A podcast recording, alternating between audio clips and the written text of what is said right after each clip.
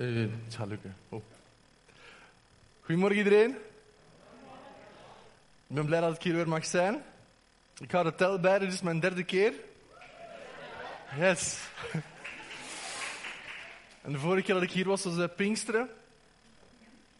En Pinksteren was voor mij heel bijzonder hier. Ik meen dat echt. Het is een moment op, in die dienst dat ik nooit ga vergeten. Iets wat ik nog nooit in mijn leven was tegengekomen in de Vlaamse Pinksterkerken. En dat was helemaal aan het begin van de dienst. En er stond volgens mij zo'n teller op de klok en die kwam dan op nul. En uh, jullie uh, zangleider is hij hier. Ik weet niet, uh, ik ken zijn naam niet. De zangleider was hier. En hij riep naar de kerk van, het is Pinksteren! En heel de kerk ging, ja! Ik had dat nog nooit gezien. En ik dacht bij mezelf, ik ben nu al, wat is het, 28 jaar, Pinksterchristen? En dat was de eerste keer dat het mij pakte van, ja, dat, dat is de hoogdag van het jaar, nietwaar? Wat een feestdag, jullie hebben me echt iets geleerd die dag. Echt wel, het enthousiasme, ik ga het nooit meer vergeten. Volgend jaar met Pinksteren ga ik terugdenken aan hier. En dan ga ik terugdenken van, het is Pinksteren. Yes! Dat laatste lied dat we net gezongen hebben, ik, ik ga jullie een klein geheimpje vertellen, maar mogen tegen niemand zeggen. het wordt opgenomen zeker. ik, uh, het gebeurt regelmatig. Uh, als ik weet dat ik ergens moet gaan spreken, dat ik God op voorhand al begin te vragen van God, wat wilt jij zeggen, wat wilt jij delen? En dat dat niet echt komt. Dat je vraagt van God, zeg het maar, hebt u een boodschap voor de kerk, wat moet ik doen? En soms niet altijd, maar soms gebeurt dat dat ik tot op een zondagochtend in de worship nog altijd zit te vragen van God, wat wil je vandaag zeggen? En ik was aan het wachten en ik had een aantal ideeën in mijn hoofd. Ik had al pen en papier erbij gekomen van, ik luister, spreek, nu, nu, nu. En toen kwam dat lied en ik denk dat jullie zo net een lied profetisch over jullie zelf hebben uitgezongen over de kerk van misschien een New Wine. Ik voelde het in mijn geest.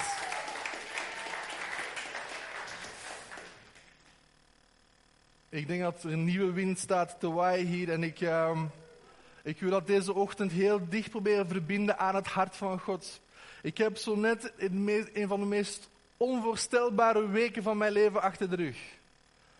Maar een week geleden of acht dagen geleden had ik dat nooit zien aankomen. Ik, eh, al, al een aantal jaar nu organiseren wij in de zomer met PJV, dat is de Pinksterjongeren Vlaanderen, organiseren wij kampen in de Ardennen. Uh, als we daartoe komen is daar helemaal niks. Dat is een veld. Dat is een, op, de, op de rug van een heuvel, zeg maar. En in het midden loopt zo een zacht, liefelijk, kronkelend beekje. En daaraan staan een aantal eikenbomen. Doe me altijd denken aan Psalm 1. Hè, een, een, boom geplant aan waterstromen die zijn vrucht draagt op zijn tijd. Dat is zo'n beetje een idyllisch. Als ik u een foto zou tonen, zou je zeggen van wauw, wat een prachtige plek om een hele week te mogen kamperen. En daar hebben wij, elke, elk jaar hebben we daar een aantal kampen op diezelfde wei. Eerst komen de tieners en als de tieners weg zijn komen de kinderen. En als de kinderen weg zijn komen de jeugd. En ik ben nu ondertussen mee met de jeugd, 18 tot 25 en nog een klein beetje ouder soms ook. En... Um, die, die kampen die, die bouwen precies elk jaar op in intensiteit en in de aanwezigheid van de Heer. Er komen jongeren van, naartoe van over heel het land. En als, daar is, dat als we daartoe komen, is daar niks. We graven onze eigen wc's en we maken onze eigen douches en we bouwen dan een stelling waarbij wij bomen in de grond steken die soms wel 11, 12 13 meter hoog zijn en dan beginnen we erop te sjorren. En dan bouwen wij stellingen en wij bouwen een hele samenkomstarena en eettafels en alles bouwen wij helemaal zelf. En dus op, op een paar dagen tijd ziet die wei eruit met tenten en dit en dat en zo. En dat is, een ongelooflijk zicht om te zien hoe dat, dan zo vooruit gaat. Dit jaar echter kwam ik op het kamp toe en ik had echt het gevoel dat ik uitgevrongen was, dat ik echt niks meer te geven had ben de afgelopen weken en maanden heel intensief bezig geweest met verbouwen. En er was van alle dingen gebeurd nog enzovoort. En ik, had, ik voelde niet alsof ik de geestelijke energie had om echt veel te investeren. Ik had een aantal verantwoordelijkheden, ik moest spreken enzovoort. En ik dacht van, het komt hier niet goed. Ik voel het niet, het zit daar niet. En ik, en ik ben hier om de jeugd te dienen, maar ik heb niet het gevoel dat ik iets te geven heb. En mijn beste kameraad, mijn beste vriend komt ook op het kamp. Hij is een professionele coach en hij is daar heel die week enkel alleen om jonge, jonge mensen te coachen, gratis coaching te geven. En hij komt op het kamp toe en ik, weet van zijn situatie en hij heeft, het, het minstens even moeilijk gehad. Er zijn een aantal dingen ook bij hem gebeurd die... En, en gevoeld, het is weg. Weet je, van, en, en we waren met elkaar aan het babbelen. Dat was nog voordat de jeugd toekwam, dus we waren alleen met de leiders. En ik had hem even apart genomen. Zeg van, hey, hoe is het met u? En hij vroeg, hoe is het met mij? En we waren een beetje aan het klagen, aan het zagen. Een beetje aan het zo van, weet je. En in de avond hadden we leidersmeeting. En uh, tijdens de leidersmeeting... Paul en uh, Annick Roda waren daar trouwens ook met ons. Sommigen kennen jullie. Ja. Paul zei mij dat hij binnenkort ook hier uh, zou komen spreken. Ja. En Paul en Annick waren daar ook. En ik had u nog nooit ontmoet. Een vriend van ons had hen meegenomen naar het kamp. En um, op een gegeven moment, uh, s'avonds hebben we leidersmeeting. En uh, we doen een rondje zeg maar, van iedereen de verwachtingen naar het kamp toe uitspreekt. En de eerste leider begint, ja, ik verwacht grote dingen. Ik verwacht dat God harten gaat aanraken. En de volgende zegt, ik verwacht wonderen en tekenen op deze wij. We gaan genezingen zien. En de volgende begint te spreken. Ik denk dat God echt vergeving wil vrijzetten en dit en dat enzovoort. En dan komt het bij mij en ik zei, jongens, ik heb veel verwachtingen van God, maar niet van mezelf. Want ik heb, ja, dat is goed inderdaad, maar... En dan hebben we dat typisch christelijke ding dat we weten, oh mijn zwakheid is hij sterk, maar als je op het moment daar zit, dan denk je van... Oh, oh, oh. En ik was echt aan het denken van, heb ik geen foute beslissing gemaakt om naar het kamp te komen? Had ik niet gewoon moeten thuisblijven en met vrouwen en kindjes enzovoort, want ja, die moeten dan ook een hele week alleen zijn. Dus die, mijn vrouw brengt daar nog het zwaarste offer voor dat ik daar kan zijn. En opeens begint uh, Joris, goede vriend van mijn medeleider, die, die zegt, want mijn, en al Christian ook, en daar rondje zegt van, ja, ik, ik weet ook niet ik zitten vandaag. en Joris zegt, kom, hup, jullie twee, nu, hier in het midden, we gaan voor jullie bidden. En hij begint voor ons te bidden. En het was alsof hij Gods hart voor ons kon voelen. En hij begon te wenen en te wenen. En ik begon te wenen en te wenen. En Christian begon te wenen. En we waren allemaal aan het wenen opeens. En dat was, zo, was een heilig moment. En het was alsof er 100 kilo van mijn schouders afviel. En dat God zei tegen mij van, het gaat een strafkamp worden. Het gaat een geweldig kamp worden en nu zit je er klaar voor. En ik zei van, wat? Vijf minuten wenen en, en zegt God, ja, ik heb u helemaal gevuld om uit te delen en je zit klaar om te gaan. Ik zei, als jij het zegt, dan, dan is het zo. Meestal, ja, dan is het zo. En dus tijdens het kamp beginnen een aantal dingen te spelen. We hadden iemand mee die heeft een evangelistische gave, dat is ongelooflijk. Dat is alsof die, als iemand pijn heeft, het is alsof die dat ruikt. Want die vindt mensen en die bidt daarvoor en die geneest. Die heeft een ongelooflijke gave voor genezing.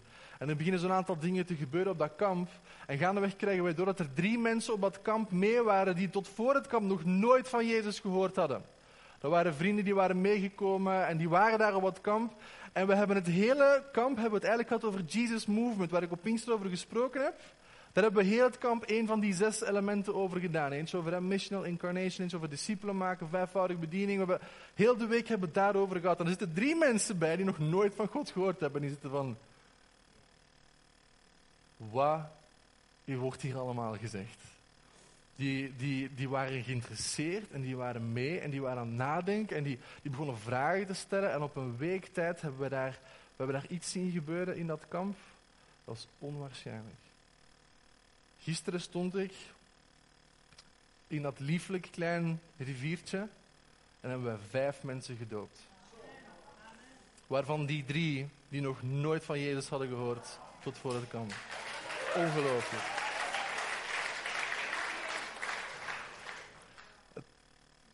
Heilig moment. De zon scheen uiteraard, hij schijnt al drie maanden. en op het moment dat die mensen ondergingen en boven, trekt gebeden voor de vervulling met de Heilige Geest. Er waren profetische woorden. Hup, volgende dopen. Op grond van uw getuigenis. In de naam van de Vader, Zoon en de Heilige Geest. En dat was gisteren, en ik kom gisteravond thuis en ik begin te vertellen tegen mijn vrouw. En er waren nog verschillende dingen gebeurd. Er zijn, er zijn manifestaties geweest, er is bevrijding geweest vooral. Er zijn van, van alle dingen gebeurd. En dan dacht ik ook van, nou, we hebben een generatie die een stukje gebroken is ook. We hebben heel veel jeugd met die...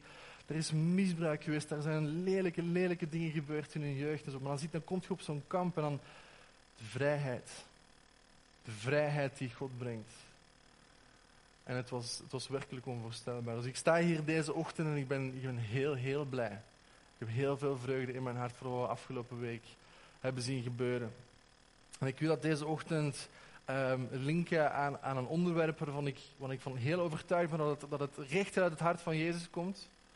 Maar het is een beetje controversieel ook soms. We gaan het hebben over de vijfvoudige bediening.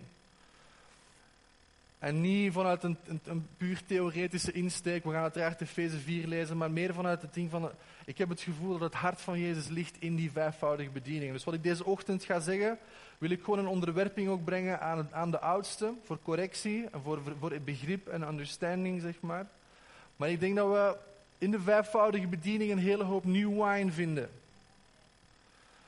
En er bestaan veel theorieën rond, of je hebt al rare dingen gehoord, of, of, soms zijn er ook rare toestanden waar apostel zo en zo komt spreken in die kerk, of evangelist zo en zo, en, en titels. En, en, we weten niet helemaal soms hoe dat, dat dan werkt.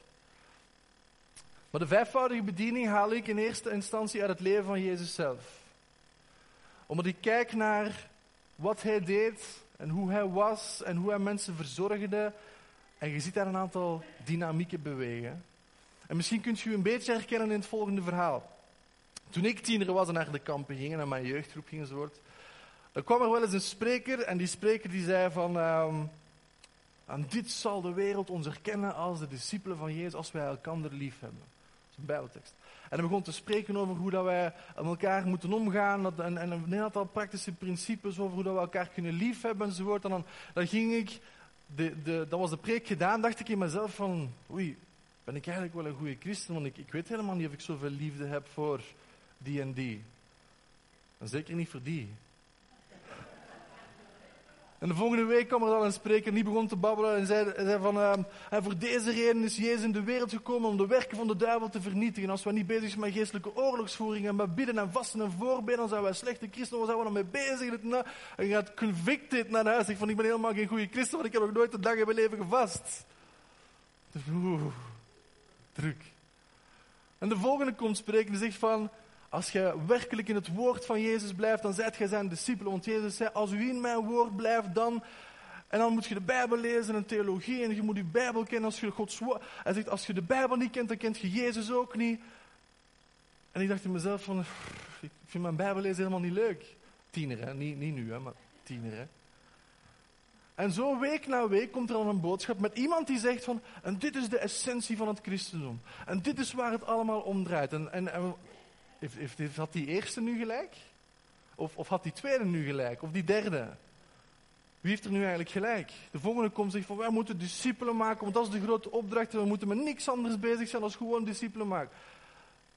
En ik heb nog nooit een discipel in mijn leven gemaakt toen. Dus ik dacht van, ik ben geen goede christen. En zo krijg je de een na de andere boodschap. En er komt een beetje druk bij kijken. En je weet niet goed van, hé, wat, is dit nu? En, en ik gaandeweg ontdekte van, ja, ze hebben allemaal gelijk. Ze hebben allemaal gelijk. Maar er is niet één iemand die gelijk heeft boven de andere, omdat we, we, zien verschillende dimensies in discipelschap, verschillende dimensies in kerkleiderschap, verschillende dimensies in ons persoonlijk leven met God. En Paulus heeft daar een aantal geweldige dingen over te zeggen. als u een Bijbel mee heeft, ik zou graag willen beginnen lezen uit Efeze.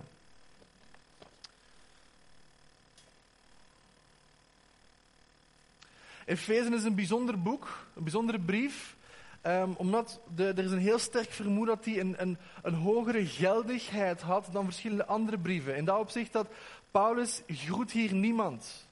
Zelfs de titel Pros Ephesius, eh, voor de Efezen, dat ontbreekt in verschillende manuscripten. Dus mensen denken van dit zou wel eens een algemene brief geweest kunnen zijn die naar iedereen ging, naar alle kerken. Bijvoorbeeld, eh, Paulus adresseert daar ook geen specifieke problemen. Bij de Galaten zegt hij, oh, jij dwaze Galaten, je hebt de wet weer gepakt in plaats van genade. Of tegen de Thessalonicenzen zegt hij van, Jezus komt terug, maar dat wil niet zeggen dat je op je poep mag blijven zitten dus hij begint daar correctie en, en dingen te, te, geven. Maar bij de Efeesbrief doet hij dat niet. Hij sluit ook niet af van geef de groetjes aan die, zeg hallo tegen die. Dat vinden we allemaal niet in de Efezebrief. Waardoor we denken dat hij eigenlijk een, een soort van algemene geldigheid had. En dat hij pas later een connectie heeft gekregen met de kerk van Efeze. Omdat die de grootste en voornaamste kerk in Klein-Azië was. En dus Efeze, als je dat begint te bestuderen, dat zou bijna een soort van grondwet van de kerk kunnen zijn. Het is mooi opgedeeld, drie hoofdstukken en drie hoofdstukken, in totaal zes. Die eerste drie, die gaan als het ware over de goed gevulde bankrekening van de christen. Er is vergeving, God heeft u uitverkoren, Hij heeft u toegerust, Hij heeft u gezegend en alles is voor u beschikbaar in de persoon van Jezus Christus zelf. En ik bid dat jij een geest van wijsheid en openbaring mocht hebben, dat jij Hem zult kennen enzovoort. En dus Paulus begint daar heel persoonlijk, heel opbouwend onderwijs te geven. En dan schakelt hij vanaf hoofdstuk 4, schakelt hij. Dan zegt hij het volgende. Zegt van, en dus ik bid, zegt hij, vers 1, zo roep ik, de gevangene in de Heer, u op tot een wandel die de roeping waarmee u geroepen bent waardig is. Met andere woorden, hoofdstuk 3, al die zegeningen die wij gekregen hebben, zegt hij nu, nu moet jij ook gaan leven in een levensstijl die al die zegen waardig is. En dus daar schakelt hij en dan begint hij heel praktisch te spreken. Dan komen er een aantal dingen en het eerste waar hij mee begint is dit, vers 2. In alle nederigheid en zachtmoedigheid met geduld door elkaar in liefde te verdragen en u te beijveren om de eenheid van de geest te bewaren door de band van de vrede. Zeg van, we zijn familie. En dan gaat hij een aantal dingen zeggen. Hij gaat een aantal eenheden benoemen. Hij gaat zeggen van, dit is wat wij allemaal gemeenschappelijk hebben. Eén lichaam. En één geest, zoals u ook geroepen bent, tot één hoop van uw roeping. één Heer, één geloof, één doop, één God en Vader van allen. Zeven. Hoe kan het ook anders, hè? Zeven. Zeven eenheden. En Paulus zegt van dit is wat wij gemeenschappelijk hebben. Hier bouwen wij op. Dit is de rots, dit is het fundament. We zijn het lichaam van Christus. We hebben elkaar nodig. Niemand kan zonder de andere. De een kan niet tegen de hand zeggen, ik heb u niet nodig. De ander kan niet tegen de voet zeggen, ik heb u niet nodig. Wij zijn één. Eén gemaakt. We hebben dezelfde God, dezelfde Heilige Geest, dezelfde, dezelfde doop. We hebben al die dingen wij gemeenschappelijk, zegt hij. En dat is het fundament. Dat wil hij zeggen van kerk, als wij geen eenheid hebben, Jezus biedt daarvoor van Vader, ik bid dat zij in mij mogen zijn zoals ik in u ben. En in Johannes 17 verder biedt hij hetzelfde Vader, zoals jij in mij bent, zo zal ik in hen zijn, dat zij één zijn. En dan dit zal de wereld erkennen als zij één zijn. Jezus biedt daar regelmatig voor. En Paulus zegt van jongens, eenheid. Eenheid, eenheid, eenheid. Als we kijken naar Jesus Movement van de afgelopen 2000 jaar, en ik denk dat ik het Pinkster ook gezegd heb, van als ze vervolgingen smijten naar de kerk, of, of gevangenis, of zelfs moord en, en alles wat ze naar de kerk gooien om de kerk klein te maken, het helpt niet, in tegendeel. De kerk begint ervan te groeien. Het enige wat de kerk kan neerhalen is verdeling binnen onszelf. Als wij verdeeld zijn, en je zegt, a house divided cannot stand. Een verdeeld huis kan niet blijven staan. Dus Paulus begint hiermee. En dan gaat hij naar het volgende deel, vanaf vers 7. Maar, zegt hij, maar, altijd belangrijk als een schakelwoord. Er is eenheid, maar aan ieder van ons is de genade gegeven naar de maat van de gave van Christus. Met andere woorden, er is heel veel diversiteit ook. Iedereen heeft een bepaalde gave, iedereen een bepaalde maat van Christus gekregen. En die heeft iets anders gekregen dan die. En die heeft weer iets. Sommigen hebben één, andere twee, andere vijf talenten. En daar wordt op zich niet heel veel onderscheid of rang of hiërarchie in gemaakt. Maar hij zegt, er is, er is verscheidenheid. Er is diversiteit. Daarom zegt hij, en nu gaat hij Psalm 68 vers 18 citeren. Toen hij opvoer in de hoogte nam hij de gevangenis gevangen en gaf hij gaven aan de mensen. Wat betekent dit toen hij opvoer, anders dan dat hij ook eerst neergedaald is in de diepte, namelijk de aarde? Degene die neergedaald is, is ook degene die opgevaren is en ver boven alle hemelen om alle dingen te vervullen. En als, daar valt veel over te zeggen over die, want het is niet toevallig dat Paulus net dat psalmstukje citeert. Ik geloof dat dat een heel duidelijke reden is om eigenlijk aan te tonen dat Jezus na zijn hemelvaart al die gaven heeft uitgedeeld. En dat wordt belangrijk zometeen als we het over apostolische bediening gaan hebben. Want er zijn sommige mensen die zeggen van apostel dat is niet meer voor vandaag. Profeet dat is niet meer voor vandaag. Dat waren alleen maar die oorspronkelijke twaalf. Maar hier staat dat het na zijn hemelvaart. En effectief, we zien nog twaalf apostelen of veertien apostelen erbij komen na hemelvaart. Dus mensen die zeggen van dat kunnen alleen maar de originele twaalf geweest zijn. Dat klopt uiteraard niet, want Paulus was ook niet een van de originele twaalf. Dus ik geloof dat Paulus het hier zegt van het gaat gewoon door. Waar sommige mensen zeggen van nee, het is daar gestopt. Nee, na hemelvaart heeft Jezus die gave uitgedeeld. Efeze 4, vers 11. En nu komen we natuurlijk tot de essentie, of tot de kern. En hij heeft sommigen gegeven als apostelen, anderen als profeten, weer anderen als evangelisten en nog weer anderen als herders en leraars. Daar halen we de vijfvoudige bediening uit. En ik wil dat deze ochtend lospakken van de theorie. En ik zou willen voorstellen deze ochtend dat de vijfvoudige bediening het hart van Jezus zelf is. En dat in die vijfvoudige bediening alles zit wat Hij wil doen op planeet aarde. En Hij had die vijf bedieningen, had Hij allemaal in zichzelf. In zichzelf. Hij was de perfecte apostel. Er is niemand die ooit zo een beweging heeft opgestart als je, 2,5, als je 2000 jaar na uw dood slash hemelvaart 2,5 miljard volgelingen hebt. Dat is ongezien.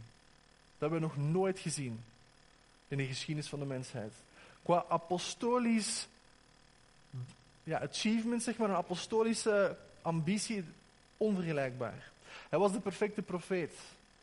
Was niemand die Gods stem kon verstaan zoals hij. Er was niemand die zo accuraat profeteerde zoals hij. Zijn eigen dood, de val van de tempel, alles. Hij heeft alles exact juist geprofeteerd. Hij sprak tot God namens mensen en hij sprak tot mensen namens God. Dat is de essentie van de profetische bediening. Hij was uiteraard de meest succesvolle evangelist die de wereld ooit gezien heeft. Als hij niet brood en vis aan het vermenigvuldigen was, was hij zieken aan het genezen, was hij doden aan het opwekken, was hij demonen aan het uitdrijven, was hij mensen uit compassie aan het onderwijzen over hoe de dingen gaan in het koninkrijk van God. En de mensen en de massa's hingen aan zijn lippen. Want hij sprak met autoriteit, staat er. Niet zoals de fariseeën en andere mensen. En nog weer andere als herders. Uiteraard, Jezus is de goede herder. Hij is de belichaming van herderschap. Er is niemand die zoveel liefde kon brengen. Alleen als we aan het verhaal denken van die vrouw die in overspel betrapt was. Die vrouw, ik ga u niet veroordelen. Ga heen en zondig niet meer. En leraars. Als Jezus begon te spreken, wauw, zijn onderwijs, het koninkrijk van God, het koninkrijk van God is als. En het koninkrijk van God is als een parel, en het koninkrijk van God is als een schat in een veld. En, en de mensen, wow, wow, ook al begrepen ze vaak de helft niet, maar wauw, die Jezus die kon vertellen, die kon onderwijzen. En uiteraard, hij was gewoon de belichamende demonstratie van hoe een zoon van God hoort te leven. Het ultieme rolmodel. En dus in die vijfvoudige bediening het is het hart van Jezus. Het is, is alles wat hij wil doen op planeet aarde. En dus het is alsof een, een land, zegt hij, stel dat Nederland bijvoorbeeld morgen het ministerie van Defensie en het ministerie van Financiën zegt van boeken toe, we sluiten de boel, klaar. Hoe lang gaat Nederland nog ergens rechtdoor blijven gaan? Het zijn twee belangrijke ministeries. Stel dat de kerk zegt, wij sluiten de apostolische bediening en wij sluiten de profetische bediening en we gaan met drie verder. Gaat hij ooit de resultaten halen van boekhandelingen? Gaat hij ooit het resultaat halen van wat in China op dit moment gebeurt? Gaat hij ooit de resultaten halen wat John Wesley gedaan heeft? Nee, want we hebben die vijf velden nodig. Dus ik wil deze ochtend voorstellen dat we moeten beginnen denken in termen van die ministeries. Er zijn vijf velden.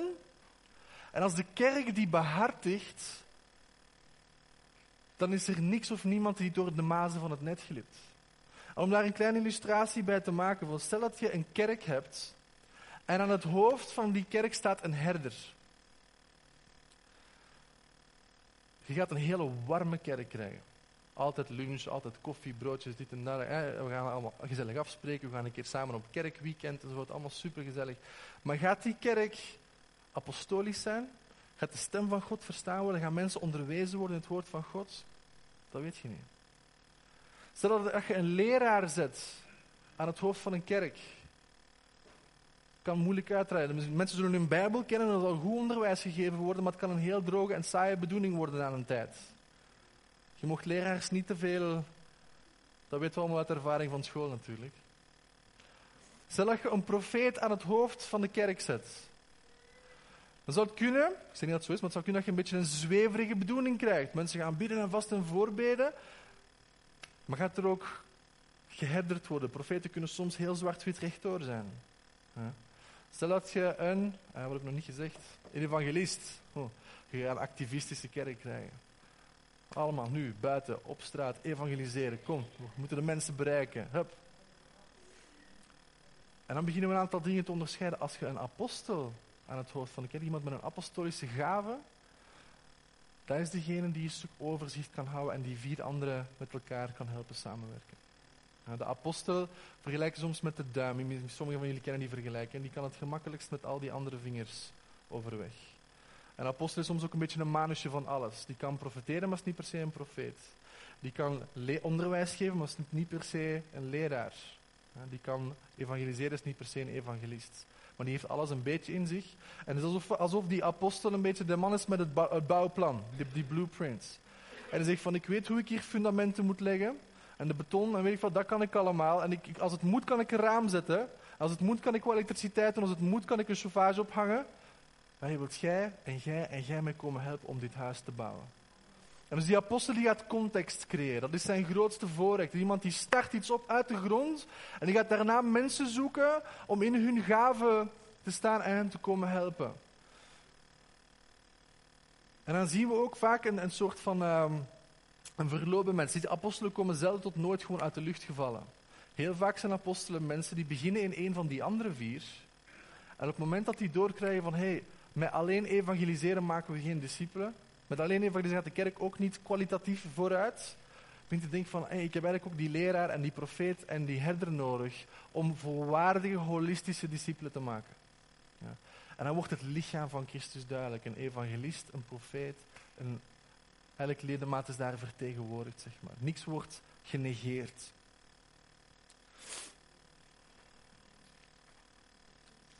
Waarvoor dient die vijfvoudige bediening? Efeze 4, vers 11. We lezen verder.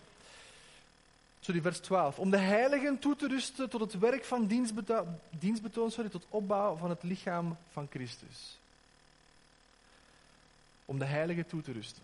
Ik wil het onderscheid maken tussen een gave en een bediening, omdat ik soms merk dat daar veel verwarring over bestaat. Ziet je, de gaven van de geest die zijn in ons. Soms zijn die slapend aanwezig, soms zijn die heel nadrukkelijk aanwezig. Ja? Maar die zijn in ons, we hebben die. Dat is dezelfde één geest, één, die werkt door ons heen. En op, ik kan op hetzelfde, dezelfde dag, zeg maar, kan ik bijvoorbeeld een nieuwe recruitsgroep, waar ik mee bezig die, die disciples op, ik kan een nieuwe groep opstarten. Ik kan een, een profetie uitspreken over iemand. Ik kan een stuk onderwijs geven. Ik kan een pastoraal gesprek of een coaching of een mentoringsgesprek doen met iemand. Wil dat zeggen dat ik vier bedieningen heb? Nee. Zeker niet. Dat wil zeggen dat ik wel dat, dat de Heilige Geest mij wilt gebruiken. Make me a vessel. Whatever you want me to be. Op dat moment, als de Heilige Geest zegt van dat nu, dan doet je dat. Ik doe alleen wat ik de Vader zie doen. Ik zeg alleen wat ik de Vader zie hoor zeggen. Dat, dat idee. En dus de gaven die hebben wij. De gaven, dat is wat de Heilige Geest door u heen wil doen. Maar zet de bedieningen, die zijn er om de Heilige toe te rusten tot dienstbetoon. Dat wil zeggen, dat is een beetje als volgt. Dat gaat ook vaak heel natuurlijk. Dat gaat heel organisch, zoals dat eigenlijk moet gaan. Stel dat iemand hier in de kerk is en die brengt week na week, brengt die ongelovige mensen mee in de kerk. Jan ziet dat en zegt, hé, hey, jij zit hier echt goed in. Je hebt echt een gave om te evangeliseren. Zou je niet een aantal andere mensen willen trainen om hetzelfde te doen? Om te evangeliseren zoals jij dat kan? Op het moment dat Jan zoiets voorstelt, dan kan die persoon doorgroeien naar een bediening. Want wat doet hij dan? Die gaat anderen toerusten tot dienstbetoon. Dat is een belangrijk onderscheid om te maken, want soms denken we van, hé, daar staat iemand op podium, die kan ongelooflijk goed spreken. Die het woord van God en krachtig en wow. En mensen zeggen, ja, die heeft de bediening van leraar. Niet per se. Hij heeft de gave van leraar, maar het zou goed kunnen dat degene met de bediening in de coulissen staat die hem getraind en gecoacht heeft om dit te doen. En dus de bediening is niet iemand die per se in de spotlight staat. De bediening is vaak iemand die achter de schermen werkt om anderen te trainen te doen wat hij kan doen. En op die manier de impact van zijn bediening, zeg, van zijn gaven, te vermeerderen. Ja. En dus daarom dat we niet met titels beginnen gooien. Daarom dat we niet zeggen van... Want mensen zeggen dat om, ja, je zat vol, voltijds in de bediening. Bediening weet ik niet, maar ik ben wel met de gaven van de geest bezig. En een stuk nederigheid daar ook inbrengen, dat mensen zich geen titels beginnen opplakken. We zijn bedoeld allemaal om in die gaven te werken. De heilige tot dien. Wie is de heilige? Dat zijn jullie, de heiligen. Maar we moeten soms toegeven dat er kerken zijn waar dat, waar dat honderd mensen in de zaal zitten om te kijken naar de gaven van één persoon. Terwijl Paulus zegt, nee, zo mag het niet zijn. Hij zegt, de heiligen moeten toegerust worden tot dienstbetoon. Ik zie soms voorgangers afzien, omdat die week na week werken, werken, werken en bezig zijn en voorbereiden en onderwijs. En, dat, er een aantal mensen in de kerk zijn die helemaal niet de intentie hebben om toegerust te worden tot dienstbetoon. En volgens mij is het belangrijk dat we in die mindset beginnen te komen, waar we niet meer consumptiegericht zijn, maar productiegericht. Dat we denken van, hé, hey, wat kan ik leren van die persoon, dat ik zelf ook kan gaan toepassen. Ik laat mij toerusten tot dienstbetoon. Essentieel, denk ik. Vers 13. Totdat wij allen komen tot de eenheid van het geloof en van de kennis van de Zoon van God, tot een volwassen man, tot de maat van de grootte van de volheid van Christus. Ik vind dat zo mooi. Ik had met dat laatste. De maat van de grootte van de volheid van Christus. Paulus, wat bedoelt je daarmee? wat hij bedoelt is dit volgens mij. Hij wil dat die eenheid en die diversiteit in de kerk beginnen samen te werken, zodat die vijfvoudige bediening op termijn dezelfde resultaten en meer heeft dan toen Jezus op de stranden van Galilea liep en op de straten van Jeruzalem. Dat de kerk even machtig en krachtig is als toen Jezus zelf op aarde liep. Dat, dat wij groeien naar de maat van de grootte, van de volheid van Christus. Zien wij dat op dit moment in de kerk in Europa? Nog niet. Maar ik geloof dat de vijfvoudige bediening de sleutel is om daar te komen. En dat wij holistisch gevormd worden en niet maar in één dimensie, niet maar één ding, niet maar... Want daar komt het volgende, vers 14. Opdat wij geen jonge kinderen meer zouden zijn, heen en weer geslingerd door de golven en meegesleurd door elke wind van leer, door het bedrog van de mensen om op listige wijze tot dwaling te verleiden. Tot daar. Als er iets is wat we in de afgelopen 2000 jaar kerkgeschiedenis kunnen zien, is het dat. Denominaties zijn ontstaan omdat er geen vijfvoudig leiderschap was in een kerk. Omdat er een persoon was die zei, ik mis dat, wij doen dat niet. Ik start een nieuwe kerk, want dat is wat wij moeten gaan doen. In heel veel gevallen gaat je onderscheiden, als je terug gaat naar de, de, de, wortel van een denominatie, gaat je iets in die aard aantreffen. Er was iemand die zag iets, dat hier wordt niet meer geëvangeliseerd. Wij gaan gaan evangeliseren en er wordt een stuk uit balans getrokken. Is het nodig? Ja, het is nodig. Maar Paulus zegt hier, dat als de apostolische autoriteit was blijven gelden van, van, van het jaar nul bij spreken tot nu, dan waren er vandaag de dag geen denominaties geweest. Eén kerk, één lichaam van Jezus. En het gebrek soms aan bepaalde bedieningen heeft voor een onrust in iemand zijn hart gezorgd. En er is een tegenbeweging gekomen en die was nodig, maar die had niet nodig moeten zijn. Want in het, in als, als alle ministeries aanwezig zijn, ontbreekt er ook niks. En dan doet die kerk alles wat die moet doen en dan is er geen reden tot scheuring en, en, en verdeling, zeg maar. En dus op wat we niet als jonge kinderen. Oh, dat is tof, dat gaan we doen. Hè? Heel afgeleid, zeg maar. Of wow, kijk een keer daar. Nee, tot de maat van de volheid van de, van de grootte van Christus. Vers 15. Maar dat wij, door onze liefde aan de waarheid te houden, in alles toe zouden groeien naar Hem die het hoofd is, namelijk Christus. En van Hem uit wordt het hele lichaam samengevoegd, bijeengehouden door elke band die ondersteuning, dat zijn onze relaties, elke band die ondersteuning geeft, overeenkomstig de mate waarin ieder deel werkzaam is. En zo verkrijgt het lichaam zijn groei tot opbouw van wie? Tot opbouw van zichzelf. In de liefde. Met andere woorden, die vijfvoudige bediening die begint samen te werken. En die gaat gigantische resultaten behalen. Maar dat we moeten beseffen, is dat er een stuk spanning kan zijn tussen die vijf bedieningen. Typisch gesproken zie je het volgende. Herders en evangelisten komen van nature niet zo goed overeen. De ene wil alle mensen in de kerk, de andere wil alle mensen uit de kerk profeten en leraars kunnen soms ook zo clashen, zeg maar. Want de, de, leraar is bezig met het geschreven woord van God. De profeet is bezig met het gesproken woord van God. Dus als er iemand op een podium vooraan soms rare dingen komt vertellen, dan zijn het de leraars in de zaal bij wie de, de rode vlaggen omhoog springen. Van wat die klopt, strookt niet met Gods woord. Dus daar kan spanning in komen. Ja. Typisch gesproken, niet altijd, maar je ziet vaak dat, dat evangelisten en profeten zijn vaak goede vriendjes en herders en leraars zijn vaak goede vriendjes. En die staan soms een beetje rechtlijnig tegenover elkaar. Dan heb je een visievergadering van de kerk. Of heb je een ouder, oudsten bijeenkomst. En dan, en dan komen daar spanningen. Waarom? Omdat de ene zegt, dit is de essentie, dit is wat we moeten doen.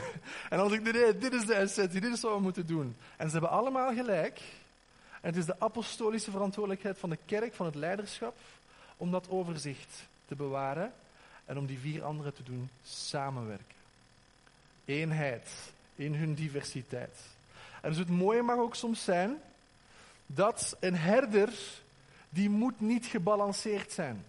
Die mag helemaal gaan voor de liefde en het familiegevoel en het groepsgevoel in de kerk. Laat die niet evangeliseren, die wordt daar moe van. Die moet niet gebalanceerd zijn. Uiteraard moet hij getuigen op zijn werk enzovoort. En, en iedereen van ons is bedoeld om getuigen, dat bedoel ik niet. Maar laat hij niet ganse dagen de straat op gaan, die verliest daar zijn energie aan. Ik ken een voorganger in Vlaanderen en die man heeft een evangelistische bediening. Die is ongelooflijk goed de mensen bereiken met het evangelie en het koninkrijk te demonstreren. Maar hij is nu herder van een kerk. Hij verliest daar zijn energie aan. Al die pastorale gesprekken, niks voor hem. En dus we moeten mensen laten vrij zijn in de gave die hun door God gegeven is. En die andere vier, die moeten niet gebalanceerd zijn. Maar er moet wel apostolisch onderwijs zijn in de kerk, geloof ik, waar dat mensen doorhebben van, dat is een echte evangelist en die legt daar de nadruk aan en hij heeft gelijk. Maar die van vorige week heeft ook gelijk. En dat is belangrijk voor ons om door te hebben, denk ik. We moeten mensen gewoon zichzelf laten gaan. Als hier een profeet vooraan komt en die doet een oproep en een uitnodiging en er volgt zo'n beetje zo'n chakamaka moment waar er gebeden wordt, de mensen, die moet niet gebalanceerd zijn. De apostel zal dat wel doen. De apostel zal de dingen wel samenhouden en het overzicht bewaren. Zij mogen gewoon expert zijn in wat ze doen. Dat mag. Dat hoeft geen bedreiging te vormen voor de rest. Wij mogen gewoon genieten van de gave van die persoon die dat aan het doen zijn. Want we bewaren op die manier de eenheid. Ik wil kort nog iets zeggen over die apostolische bediening. Um, de meeste van ons hebben een goed idee van wat een herder doet. De herder, typisch gesproken, heeft eigenlijk twee grote competenties. Die is bezig met op individueel niveau mensen te verzorgen en op groepsniveau de kerk als een familie te doen voelen. En sommige mensen zijn eerder herders in die individuele kant. Persoonlijke gesprekken, één op één, mentoring, coaching, pastoraal, counseling, die kant. En andere herders, dat weet je, die hebben connecties, die netwerk, die kennen iedereen in de kerk. Je gaat vast een aantal mensen nu in je hoofd opkomen en zeggen van, die kent iedereen. Dat is ook een soort herderschap, connecties, netwerk maken, betrokken zijn. Die, die, die is zo oud, heeft die vrouw heeft zoveel kinderen, die gaan naar die school. Dat is een soort herderlijke capaciteit om betrokken te zijn op mensen hun leven. Ja. Evangelisten hebben typisch gesproken ook twee grote competenties. Die verkondigen Gods koninkrijk in woord en in daad. Er is word ministry en er is power ministry, love ministry. Er zijn verschillende soorten, maar zij, zij, zij, zij als het ware demonstreren de kracht van het koninkrijk. Soms is dat apologetisch met woorden. Andere keer is dat met genezing en bevrijding, woorden van kennis enzovoort. Dat, dat, dat, zij zijn altijd bezig met mensen te introduceren tot koning Jezus. De leraar heeft ook twee competenties. Enerzijds is die bezig met theologie, het woord van God, om daarin gemarineerd te worden, om helemaal gebraden en gebakken en doordrongen te zijn van het woord van God. En zijn tweede ding is didactiek. Hij wil mensen onderwijzen, hij wil ze dichter bij God brengen. Eén ding dat we soms missen is dit. Vaak zeggen van degene die de Bijbel het beste kent en de strong concordance in zijn hoofd heeft, die mag vooraan komen staan en onderwijs geven. Ik heb daar een andere mening over. Ik zeg dat degene die het beste kan uitleven wat de Bijbel zegt, die mag vooraan komen staan en het uitleggen. Degene die het meest kan gehoorzamen wat Jezus zegt, die mag hier vooraan komen staan voor mij. Dat vind ik echt. Omdat ik wil iemand naar wie ik kan opkijken, iemand die het kan uitleven, iemand die het kan demonstreren in de praktijk, niet alleen in de theorie. Dat is belangrijk voor het ambt van de leraar in de vijf Farouien. Die moet dat kunnen demonstreren. De profeet, hebben we heel kort al over gehad, die heeft ook twee voorname competenties. Profetie en voorbeden. Het ene is spreken tot God namens mensen. En het andere is spreken tot mensen namens God. En de essentie van de profetische bediening is de aanwezigheid, de aanwezigheid, de aanwezigheid van God. Het verstaan, het verstaan, het verstaan van Gods stem. Als de profeet God behaagt, maakt het hem niet uit wie hij niet behaagt. Als God tevreden is, maakt het hem niet uit wie ontevreden is. Een profeet is iemand die ziet als het ware in het hemelse. En dan kijkt hij naar de kerk en dan mag hij ook spreken. Zegt van, hey, zo is het koninkrijk van God, maar dit is wat ik hier soms zie en dat klopt niet. En zo'n profeet die mag een stuk kritisch zijn. Die mag dat. We hebben het daar moeilijk mee. Zeker herders hebben het daar moeilijk mee. Want oei, dat, dat, is een beetje een aanval op de familie als het ware. Maar een profeet mag dat. Die mag ook een stukje, een klein, klein beetje afstand houden van de kerk om objectief te blijven. Maar die afstand meten we in centimeters, niet in kilometers. Niemand van ons mag een lone ranger zijn. Niemand, niemand is een eenzame wolf die als het ware een website opstart en die kritiek en af te geven en die is fout en dat is fout. Dat is niet de profetische bediening. Ik zou zeggen dat de profetische bediening is 85% bemoediging en 15% kritiek. Maar hij mag dat. Hij heeft daar mandaat voor en God vraagt dat ook van hem. Dus profeten hebben het soms moeilijk om in onze kerken te zijn, want hun advies of het woordwoord dat ze gekregen hebben wordt soms weggehouden, wordt niet geaccepteerd. En dat komt ook omdat we soms te maken hebben gehad met onvolwassen profeten. Ziet je, een onvolwassen profeet die krijgt een openbaring, die heeft de gave, ja, maar in zijn onvolwassenheid, wat doet hij? Die zegt tegen de kerk of zegt tegen het leiderschap van, ik heb dit van God ontvangen, dat is wat het betekent, en nu moeten we dit gaan doen. Maar dat is niet hoe de profetische bediening werkt. Een volwassen profeet die zegt dit, die zegt van, ik heb het gevoel dat God dit wil zeggen. Ik heb een openbaring gekregen, ik heb een woord van God. Ik presenteer dat aan de oudste van de kerk. Als het klikt met wat God tot jullie hart spreekt, dan kunnen jullie gaan nadenken over hoe we dat gaan implementeren in het beleid van de kerk. En dat is een volwassen en een gezonde profetische bediening. Niet iemand die zegt, want ik kom soms mensen tegen en zeg, ja, God heeft mij gezegd dat. Ken je dat? In een team, God heeft mij verteld dat ik dit en dit en zo zo moet doen. Ik zeg, dat is interessant, God heeft dat nu verteld, maar niemand anders. Daarom dat profeten in het Nieuwe Testament vaak in teams komen, vaak in groep. Paulus zegt als één profeet spreekt, zwijgen de andere twee niet checken of het waar is. Want de profetische bediening mag niet misbruikt worden. Daarom wordt er gewaarschuwd voor valse profeten. Maar als die in team werken en zijn gericht op de aanwezigheid, de aanwezigheid, verstaan, het verstaan van Gods stem, dan heeft de kerk een enorme kracht erbij. En wat de apostel misschien gemist heeft in zijn drive, gaat die profeet tegen hem zeggen, want de kerk is gebouwd op wat? Het fundament van wie? Apostelen en profeten. En dus de openbaring die de profeet krijgt, die deelt hij met de apostel. En de apostel is degene die met de anderen gaat samenwerken om dat door te voeren naar het beleid van de kerk, om tot de volheid van de grootte van de maat van Christus te komen. En dus zo komen we ergens met die vijfvoudige bediening. De apostel heeft ook twee basiscompetenties. Eentje daarvan is discipelschap en de andere is leiderschap. En dat klinkt misschien te simpel, maar de apostel is degene die exact moet weten hoe discipelschap eruit ziet. Zodat hij de hele kerk kan groeien en sturen en leiden en organiseren en, en helemaal rond de missie van Jezus voor de wereld. Omdat hij weet dat we discipelen maken, dat het nodig is om die missie te kunnen vervullen. Dat, moet, gaat organisch beginnen groeien. De apostel is daarmee bezig om dat fundament te leggen, zodat de kerk gediscipeld wordt. En tegelijkertijd dat er leiders getraind worden. Ja. En ik ben daar zelf ook veel over aan het nadenken. We, we zijn bezig met onze jong gasten en ik probeer die ook te helpen oriënteren op de vijfvoudige bediening. En ik denk soms na over wat is nuttiger. Ga ik die jong gasten leiderschapstraining geven, principes, dingen, dat, zo, tools, tips, weet ik veel wat. Of zet ik ze met twee flessen water in een kamer voor een week, sluit ik ze op en zeg je komt er niet uit voordat je God ontmoet hebt. Mijn hart neigt naar optie 2. Optie 1 is waarschijnlijk ook nuttig en belangrijk. Maar we hebben leiders nodig die God ontmoet hebben. En die leven vanuit die aanwezigheid. Die, in hun gaven en misschien daarna ook in hun bediening gaan staan vanuit die input, zeg maar, vanuit die connectie met God. dus de apostel is degene, waar denkt hij aan, waar is hij mee bezig? Die heeft maar één focus, zegt van, gaat het koninkrijk van God vooruit die is zo missionair, die is zo gedreven en die voelt zich persoonlijk verantwoordelijkheid voor de grote droom van Jezus. Sorry, die voelt zich persoonlijk verantwoordelijk voor het uitvoeren van de grote opdracht. Daar is hij altijd mee bezig. Die is altijd op missie. Als hij een bepaalde horizon bereikt heeft, is hij al nadenken over de volgende. Omdat hij kan daar niet mee leven. ik ga even voor België spreken. Ik kan daar niet mee leven dat er morgen, als Jezus morgen zou terugkomen, dat er 10.700.000 mensen met open ogen de hel inwandelen. Ik kan daar niet mee leven. Ik lig daarvan wakker s'nachts.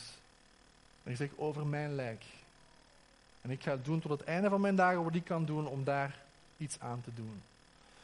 Dus die apostolische bediening die is helemaal gericht op het uitvoeren van de missie van God. Apostel, apostolos, zendeling. Dat is vaak moet over nadenken. Sommige kerken die ondersteunen hun zendelingen, die halen dan collectes op voor hun zendelingen. Als de voorganger vooraan gaat staan en zegt, we gaan een collecte, collecte ophalen voor onze apostelen, dan kijken mensen van, tja, dat is exact hetzelfde woord. Missionaris, zendeling, apostel. Ik wil een klein voorbeeld geven van een van de meest succesvolle apostelen uit de geschiedenis. En het was geen christen. Alexander de Grote. Alexander de Grote was een apostel zoals we er weinig gezien hebben in de geschiedenis van de mensheid.